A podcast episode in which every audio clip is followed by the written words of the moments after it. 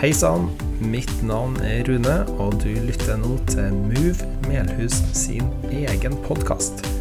Besøk oss gjerne på movemelhus.no for mer informasjon, eller søk oss opp på Facebook. Vel bekomme. Kjekt å se dere alle sammen. Mitt navn er Rune, og jeg jobber som pastor i Move Melhus. Kjenner at jeg, jeg føler meg veldig velsigna for at vi har en uh, menighet som er stasjonert her midt i Melhus sentrum. For det tror jeg åpner opp for store, store muligheter. Jeg har lyst til å ønske ja, spesielt Embrace-teamet hjertelig velkommen. Kjekt å se dere her. Du som er ny og kanskje ikke har vært her så ofte, hjertelig velkommen til deg òg. Hjertelig velkommen til alle generasjoner. For det er det jeg tenker at MOVE er. Vi er en gjeng mennesker av alle generasjoner som er alt ifra perfekt, egentlig. Vi er en gjeng uperfekte mennesker med feil og mangler som samles sammen for å rette blikket vekk fra oss sjøl og opp mot Jesus. Han som har dødd for oss, og som elsker oss så høyt at han døde for oss, ja, og har sagt at vi er uendelig verdifulle. Det er noe jeg ønsker å, å feire. Melhus er ikke bare en menighet som uh, samles annenhver søndag, men jeg tenker at Melhus består av oss mennesker. Der vi er. Jeg tenker at vi bærere av Guds rike, der vi er. Som i Melhus er folkene, ikke gudstjenesten. Nå er vi i en taleserie som har kalt En levende bok. En levende bok, altså Bibelen, som ved hjelp av Den hellige ånd gjør den levende og gir næring og liv til den som leser. Håvard snakka sist om eh, bibelsyn. Og i, dag så har jeg tenkt å eh, si litt om bakgrunnen for Bibelen, og hvorfor Bibelen er aktuell i dag for meg og deg. Sjøl har jeg et sånt eh, periodeforhold, i hvert fall sånn historisk sett, så har jeg periodeforhold i forhold til Bibelen litt sånn generelt når det kommer til bøker, egentlig. Det, da, da, er jeg i den kategorien at jeg må brette opp armene. Brette opp armene, det er, sånt, det er litt tiltak. Sette seg ned og lese. Uavhengig av hvor spennende og bra denne boka er, så er det tiltak. Jeg hører flere som sier at det er, at det er så godt å bare sette seg ned i sofaen eller sengekanten eller Nei, kanten i senga og lese ei bok. Eh, nei, jeg er ikke helt der. Det er litt tiltak. Så det med bibellesing det har ikke alltid vært like enkelt for meg. Men når jeg er dedikert, så kjenner jeg, og da kan jeg med hånda på hjertet si at det her er ikke ei tid som jeg har kasta bort. Når jeg bruker tid og fordyper meg i Guds ord, så kjenner jeg at dette er ikke noe jeg har kasta bort. Men det kan være andre ting og andre prioriteringer i livet som jeg har kjent i ettertid at her kunne jeg ha prioritert annerledes. Jeg tenker at Dere som menighet da, kan ha en forventning om at jeg leser Bibelen jevnlig, og at jeg er forankra i Guds ord. Det skal dere, skal dere ha. Men min motivasjon kan ikke være på bakgrunn av deres forventning. Det blir helt feil. Det samme tenker jeg med dere. At dere kan ikke lese Bibelen på bakgrunn av andres forventninger. De har et ønske, et ønske i grunn her om å komme nærmere Gud og få se mer av Gud.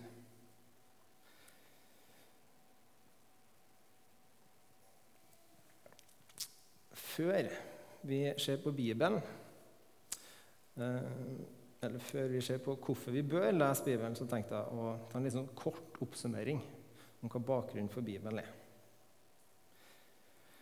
Bibelen det er en samling av 66 bøker. Den er delt opp i to. Det gamle testamentet og Det nye testamentet. Det gamle testamentet består av mange forskjellige litterære verk som bygger opp til et håp om at det en gang skal komme en leder som skal fornye skaperverket.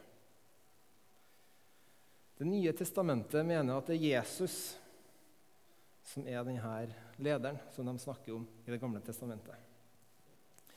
Det nye testamentet består av evangeliene, som er vitnebeskrivelser av det Jesus gjorde her på jorda. Og så har du apostlenes gjerninger, som beskriver den utbredelsen av Jesusbevegelsen. Og så har du noen brev og åpenbaringer som er skrevet av apostlene, som sendes ut til menigheter og sentrale personer. Da har dere litt bakgrunn, og så tenkte jeg å vise en liten start, start med å vise en liten animasjonsfilm av The Bible Project, som forteller om, litt om innholdet i Bibelen. The Bible is an important book, but it's really long. Yeah, it's a collection of many books written over a long period of time, but altogether they tell one unified story. So, what's the story of the Bible? Well, it begins by introducing us to a beautiful mind, the author of all reality, a being called God. And he has the power to take the dark chaos of the uncreated world and bring about order and beauty and a garden full of life. And to crown this accomplishment, God appoints these creatures called humanity, Or in Hebrew, Adam, and they're made as God's image. which means that they're commissioned to rule this beautiful world on God's behalf by harnessing all of its potential and creating even more beauty and order. This is a story about humans using their power to do meaningful, life giving work. But the question is, how? Yeah, humanity now faces a choice that's represented by a fruit tree. So humans could partner with God and find freedom by trusting in his knowledge of good and evil. Or They could seize power and define good and evil on their own, which, God warns, will kill them. and they hear the voice of a dark, mysterious creature that tells them the choice is simple take the fruit. It'll give you power and freedom to rule the world on your own terms. And so they seize this knowledge, and as a result, they become suspicious and self protective. It leads to fractured relationships, violent power grabs, and ultimately a whole civilization, Babylon, that has redefined evil as good. And so, God scatters this corrupted human project. And here the story of the Bible takes an important turn. We zoom in to the story of a man and a woman who come out of Babylon Abraham and Sarah. Yeah, God promises that from them will come a new people, a nation that has another chance to make the right choice. And if they succeed, it will open up this new way forward for the rest of humanity. And this is why the rest of the Bible story is about this family. And it does not go well. Despite God's personal guidance, Abraham's family gives in to that same temptation to redefine good and evil on their own terms, apart from God. Even when their best people were in charge, rulers who loved God's guidance and had divine wisdom, even they gave in. And so Israel was warned by their own prophets that these choices would lead them back to Babylon, this time as conquered captives living in exile, and that's exactly what happened. So, even with God's personal guidance, Israel fails. Who can succeed? Well, the prophet said that the story wasn't over. God's going to send a new leader to Israel to cover for their failures and to transform the people's hearts and minds so that they can make the right choice. And so the part of the Bible called the Old Testament ends, and these promises are left hanging. And then the biblical story continues into the New Testament. We're introduced to a man who comes from the line of Israel's kings, Jesus of Nazareth. And he said that he was bringing all these promises to their completion. He confronted that dark, mysterious evil that all humanity has given into and resisted its power. And then he announced that God had arrived to rule the world through himself.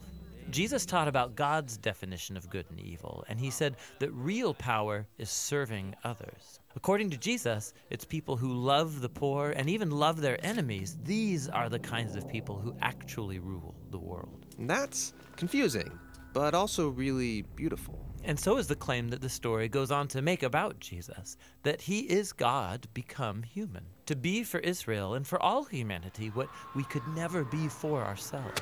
He came to take the consequences of our evil into himself, and his sacrificial love proved more powerful than evil, than even death itself, So now humanity's presented with a new choice represented by a new tree. Stick with the old way of being human, or venture into this new way. And in the story, those who choose the way of Jesus find themselves energized by God's own power.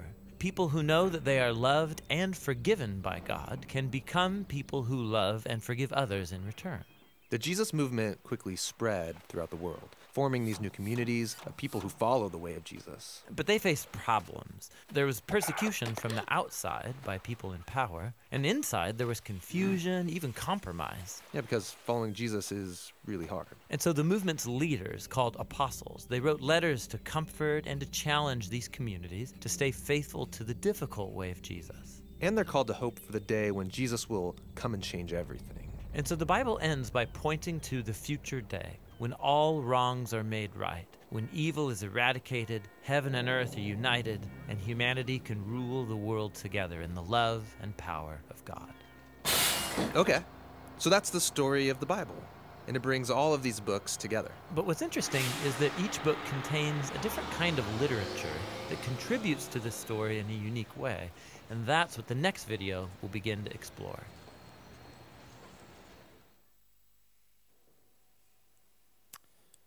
Yes, Da fikk dere et litt sånn uh, smak på The Bible Project også, som er en kjempeflott ressurs i, eh, i bibellesinga. De lager masse animasjonsfilmer eh, til hver enkelt bok i Bibelen som forklarer litt om bakgrunn og forhistorie og eh, kontekst. da. Anbefales. Da har vi sett litt på hva, eh, hva Bibelen handler om. Hva er den store fortellinga? Nå har jeg tenkt å gå inn på spørsmålet hvorfor skal jeg og du lese Bibelen. Sjøl har jeg ingen sånn personlig agenda for at du skal lese Bibelen. Jeg tenker at eh, sjøl om det vil ha ringvirkninger på fellesskapet, så, så handler det først, om, først, og fremst om ditt ønske om å se mer av Gud.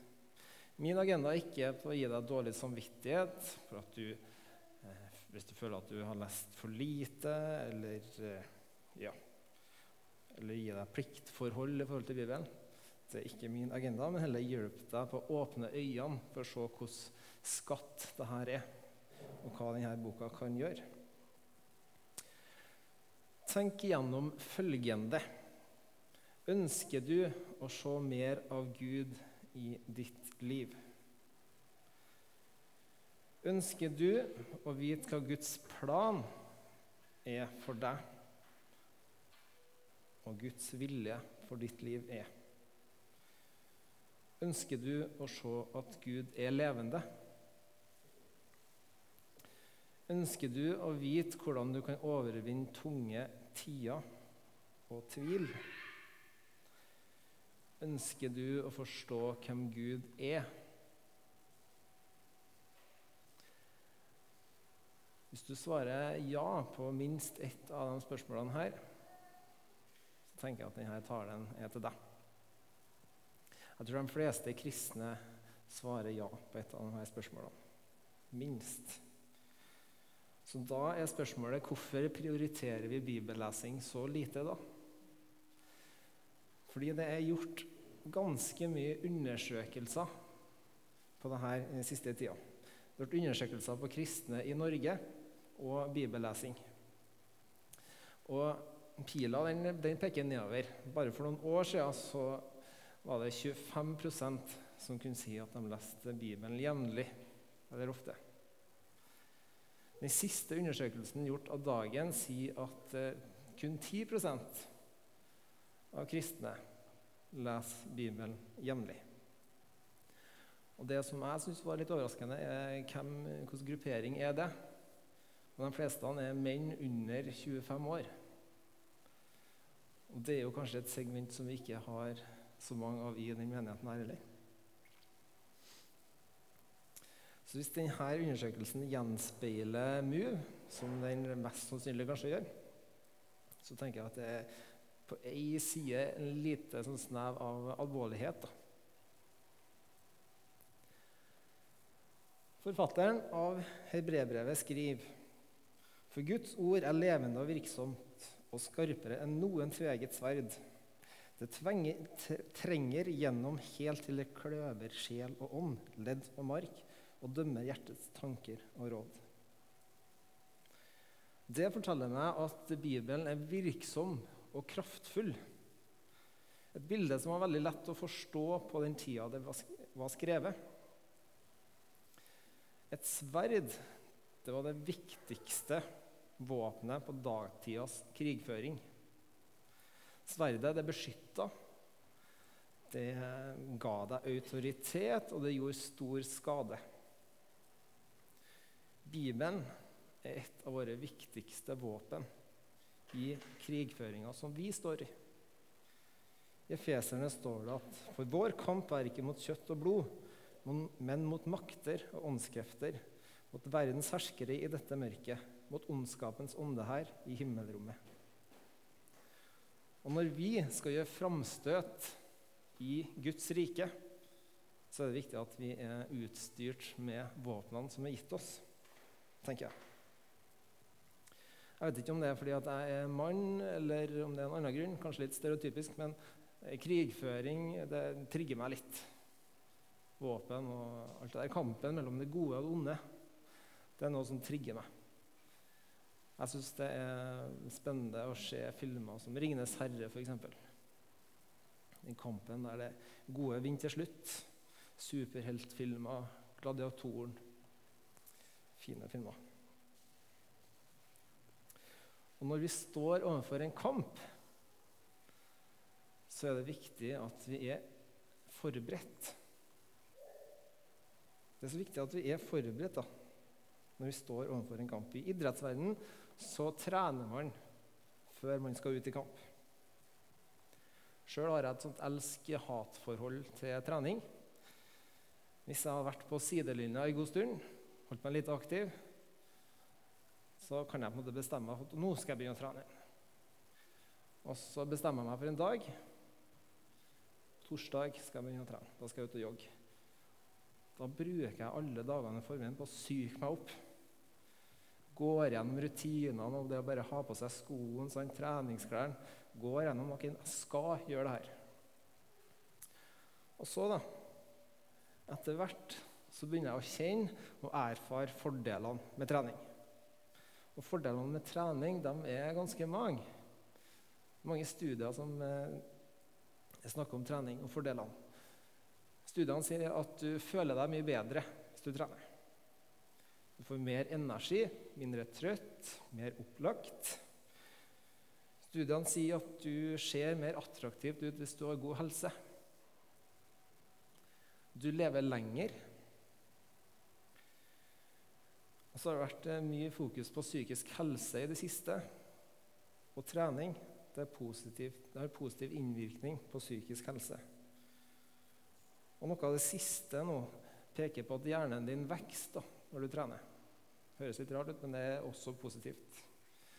Du tilfører blod som gjør at den vokser, og det får deg i stand til å gjøre gode beslutninger. Mindre dårlige valg. Og det er bra for deg sjøl og dem rundt deg, tenker jeg. Bibelen snakker om en annen type trening. Åndelig trening. Første Nei, Timoteus 4, 7-8 står der. Hold deg bort fra de dumme og gudløse mytene. Pass i stedet på at du holder deg i god form. Fysisk trening er bra på sin måte, men å trene seg i å være lydig mot Gud er nyttig på alle måter. Den som er lydig mot Gud, har fått løfte om et liv både i denne verden og i den kommende. Når du er åndelig sterk, da, så stresser du mindre. Når du er åndelig sterk, så opplever du fred. Du opplever kjærlighet. Og du møter motgang og fortvilelse mer utrusta. Det er bra for dem rundt deg. Familie, kjæreste, ektefelle, barn. Familie, ja. Og du ser at Den hellige ånd virker. Så hvordan trener man seg til å være lydig mot Gud? Vi, hvis vi definerer trening, da, hva er trening? Trening er noe du gjør igjen og igjen. Det er noe som gjentar seg. Og Et av mine viktigste tips til deg før du starter en åndelig trening, og det er viktig, det er at du er rotfesta i hans løfter for deg. Du er elska. Det er så viktig å være rotfesta i det. De andre tipsene jeg skal dele, de er ikke for at Gud skal elske deg. Det er ikke noe du gjør for at Gud skal elske deg. Men når du trener på et åndelig vis, så vil du se at Gud bekrefter denne kjærligheten til deg. Det øyeblikket du sa ja til Jesus, da du sa ja at han skulle få være leder i ditt liv, så fikk du en plass i himmelen. Bibelen har veldig mange løfter om det her. At oss som kristne vi har en plass i himmelriket. Et av dem kan vi lese i Johannes 5, 24. Jeg forsikrer dere om at den som hører budskapet mitt og tror på Han som har sendt meg, han har evig liv. Han kommer ikke til å bli dømt for syndene sine, men har allerede gått over fra døden til det evige livet.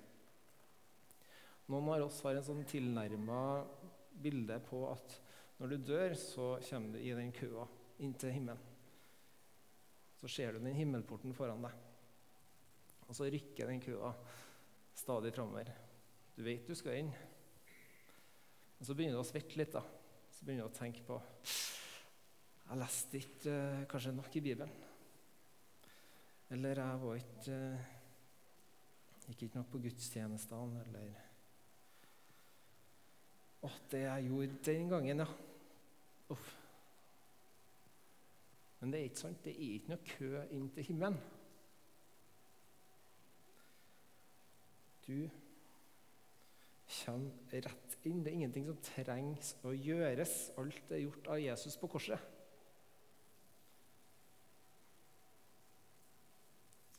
Den forsikringa her er ikke basert på din kjærlighet til Jesus, men på hans kjærlighet til oss. Det er så viktig å ha til grunns da, før vi begynner med denne åndelige treninga. Bibellesing det er en form for eh, åndelig trening. Det står i Matteus 4,4 at det er mat for sjela di. Men Jesus sa til han, nei, det står i Skriften. Menneskene lever ikke av brød alene, men av alle ordene som er fra Gud.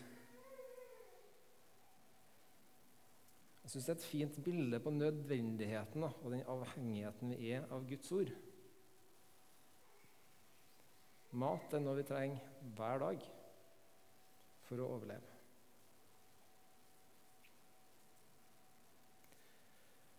Tips til treninga. Alt det vi gjør, gjør vi til ære for Gud. Ikke les Bibelen for å få anerkjennelse hos andre. For at du skal bli bedre likt eller eh, øke din status. Jeg tror at sånn her fort kan komme inn i kristne sammenhenger òg. Det å være litt sånn eh, åndelig. At man blir litt sånn stolt over det. Jeg synes at det er kjempeflott eh, at du leser Bibelen. Men jeg kommer ikke til å overvåke verken menigheten eller enkeltpersoner her. Jeg kommer ikke til å tenke at sidemannen er bedre enn deg fordi at han eller hun gjør det og det. Det er ikke mitt anliggende. Det samme gjelder tjeneste og, og sånn. Eh, gjør det til Guds ære, da. Enten det er direkte involvering i gudstjenester eller utenfor.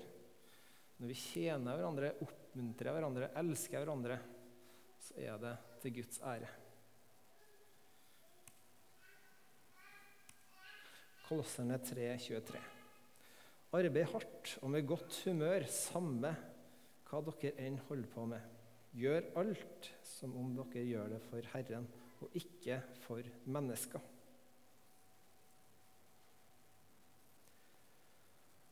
Jeg tror at en av våre største utfordringer i dag er tid. Tida den kan være en kjempevelsignelse, og det kan være en forbannelse. Og Det er ofte tida som kommer i veien, i hvert fall for meg,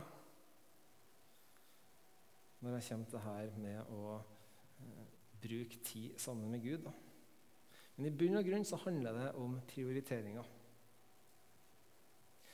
Som jeg sa innledningsvis, så har jeg aldri kjent på den der Nå har jeg kasta bort tida når jeg har lest i Bibelen. I fjor så sto Helene, en av oss i MUV og eh, holdt en tale. som delte av et vitnesbyrd. Eh, Helene snakka om at hun, hun, trengte å komme nærmere Gud. Hun hadde et ønske om det. Hun kjente på det. Hun ba om det. Og TV var av noe som sto i veien for henne. Og det som var så flott, flott her, da, at det starta med en bønn og et ønske. Ikke et plikt. Ikke en skam, men et ønske om å komme nærmere Gud. Som resulterte i at interessen for TV den, den forsvant. Og lysten i å fordype seg i Guds ord, den økte. Det er ikke mitt tilfelle. I mitt tilfelle så har det handla om mobilbruk. Eh, du aner ikke hvor mye tid jeg fikk til overs når jeg eh, sletta Facebook-appen fra mobilen min. Og når jeg skrudde av varslene fra Snapchat. Aner ikke hvor mange bilder av middagsretter jeg har sett på de siste årene. Som jeg egentlig ikke har så mye interesse av. da. Det frigjorde veldig mye tid for meg. Men om jeg, om jeg, har brukt den tida riktig, det skal ikke jeg stå her og si. Men det har frigjort veldig mye tid for meg. Og De siste ukene så har jeg og Lisa prøvd å legge fram mobilen når vi kommer hjem fra jobb. Og så tenker jeg at det her er familietid. Da skal vi være sammen som familie. Eh, jeg tenker at det ikke noe av det her, jeg står ikke her og sier at noe av det her er galt. Det vet jeg. Eh, og jeg vet ikke hva som eventuelt står i veien for deg heller. Men jeg tenker at drivkrafta det må være å komme nærmere Gud.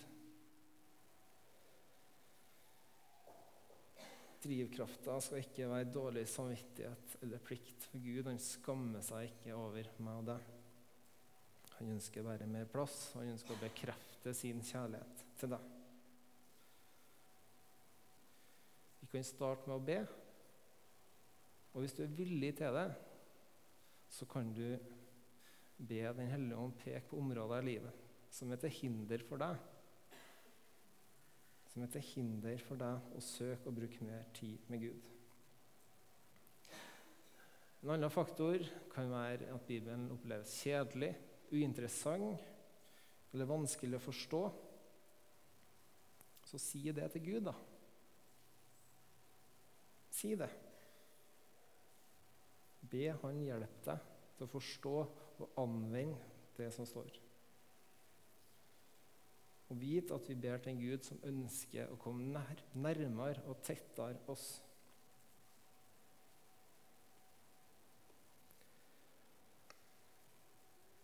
Se for deg ringvirkninger dersom Mu Melhus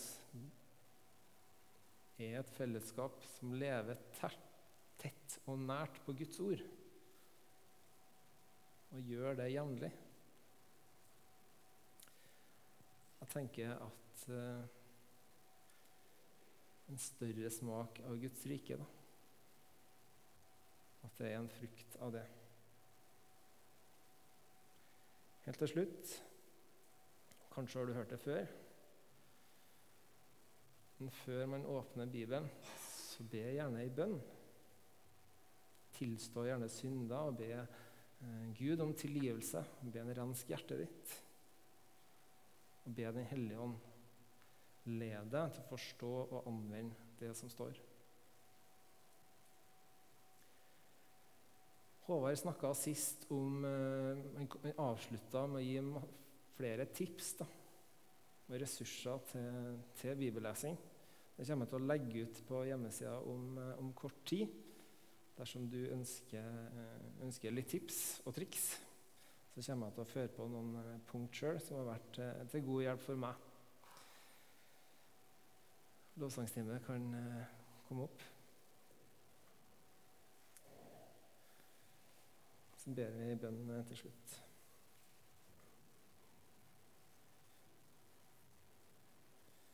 Himmelske Far, jeg takker deg for din kjærlighet til oss. Jeg takker for at du har valgt å dø for hver enkelt.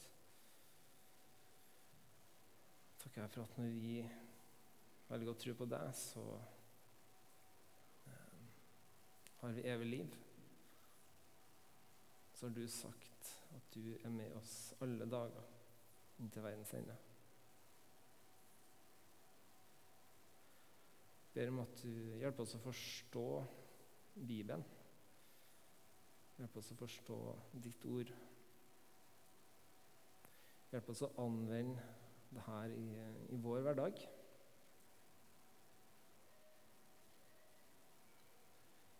Jesu navn. Amen.